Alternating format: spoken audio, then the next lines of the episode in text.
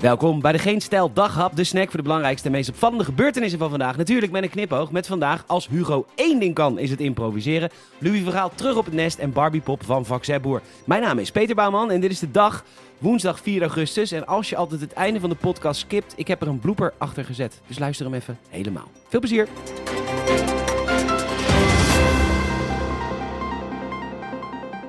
Kennisinstituut Fysieke Veiligheid vindt volgens nu.nl dat Nederland beter moet leren improviseren bij een pandemie. Ho, eens even IFV.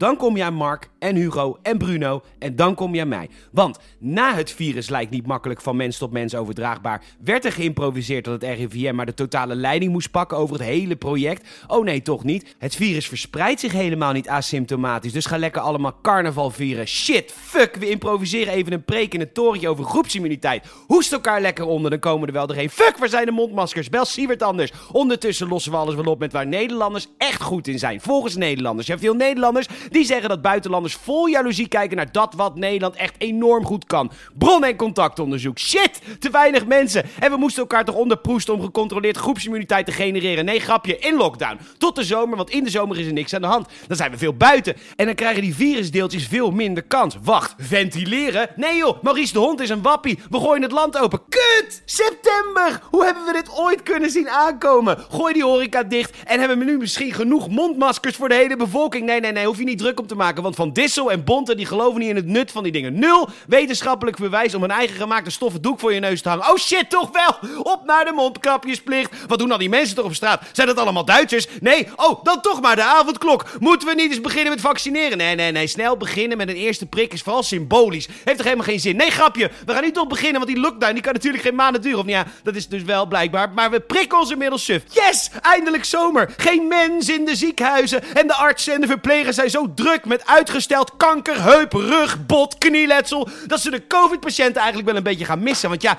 je weet pas echt wat je mist als het er niet meer is. Dansen met Jansen! Ja, we gaan nu weer lekker los. De clubs kunnen weer open. Want het was zo stil overal. Oh mijn god, een R boven de drie. Bel Ab Osterhout. Ik krijg trek in wijn. Dit gaat helemaal de verkeerde kant op. Wat hebben we toch een kutland? Ja, nu even niet, want het is vakantie. En wat staat er op dat katheder? Ventileren. Maar Maurice de Hond was toch een wappie? God, je kan veel zeggen van dit land.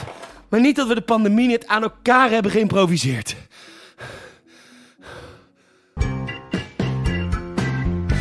Amigos de la prensa. Nou, the bullet is through the church. Louis van Gaal does not take half measures and he has signed a contract with the KNVB. Some people are wel zo van, is that now wise? He has a big personality. Isn't that biting the cat on the bacon? But no, he will keep the players in het gareel. Fear is not a good advice giver, hè? But Louis, don't sell the skin before the bear has been shot. The flags can go out. Three times is ship right. Welcome back, Louis. De Japanse Hiraki Kokona heeft vandaag een zilveren medaille gewonnen bij het skateboarden op de Olympische Spelen. Bijzonder vanwege een aantal redenen. Het is de eerste keer dat de sport beoefend werd op de Spelen en bovendien is het meisje 12 jaar oud. Dat maakt haar de jongste sporter ooit die een medaille pakt op de Spelen. We gaan nu naar Tokio voor de handbalsters.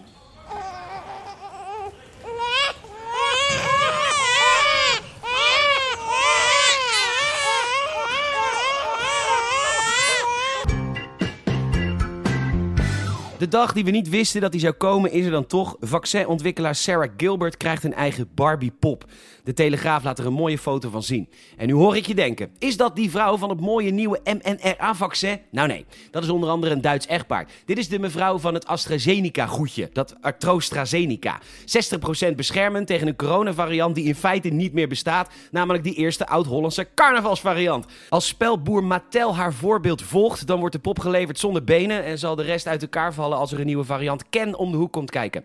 Andere mensen die een Barbie-pop krijgen zijn Hugo de Jonge voor zijn verdiensten omtrent dansen met Jansen, Frank de Boer voor het afgelopen EK en Adolf Hitler voor het net niet winnen van de oorlog. Gefeliciteerd. The Mirror schrijft dat een vrouw zich behoorlijk zorgen maakt over haar kind omdat ze hem heeft vernoemd naar een dier. Ze is bang dat de kleine lam, zoals de baby heet, later gepest zou worden. Zijn zusjes Poephond en Strontgeit waren niet bereikbaar voor commentaar.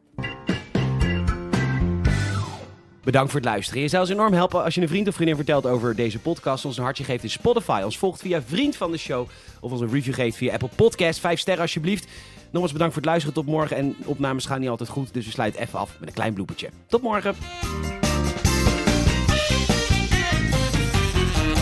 The Mirror schrijft dat een vrouw zich behoorlijk zorgen maakt over haar kind, omdat ze hem heeft vernoemd naar een dier. Ze is bang dat de kleine lam, zoals de baby heet, later gepest zal worden. De zusjes Poephond en Strontgeit waren niet bereikbaar voor commentaar. Wat een kutgrap. Oh.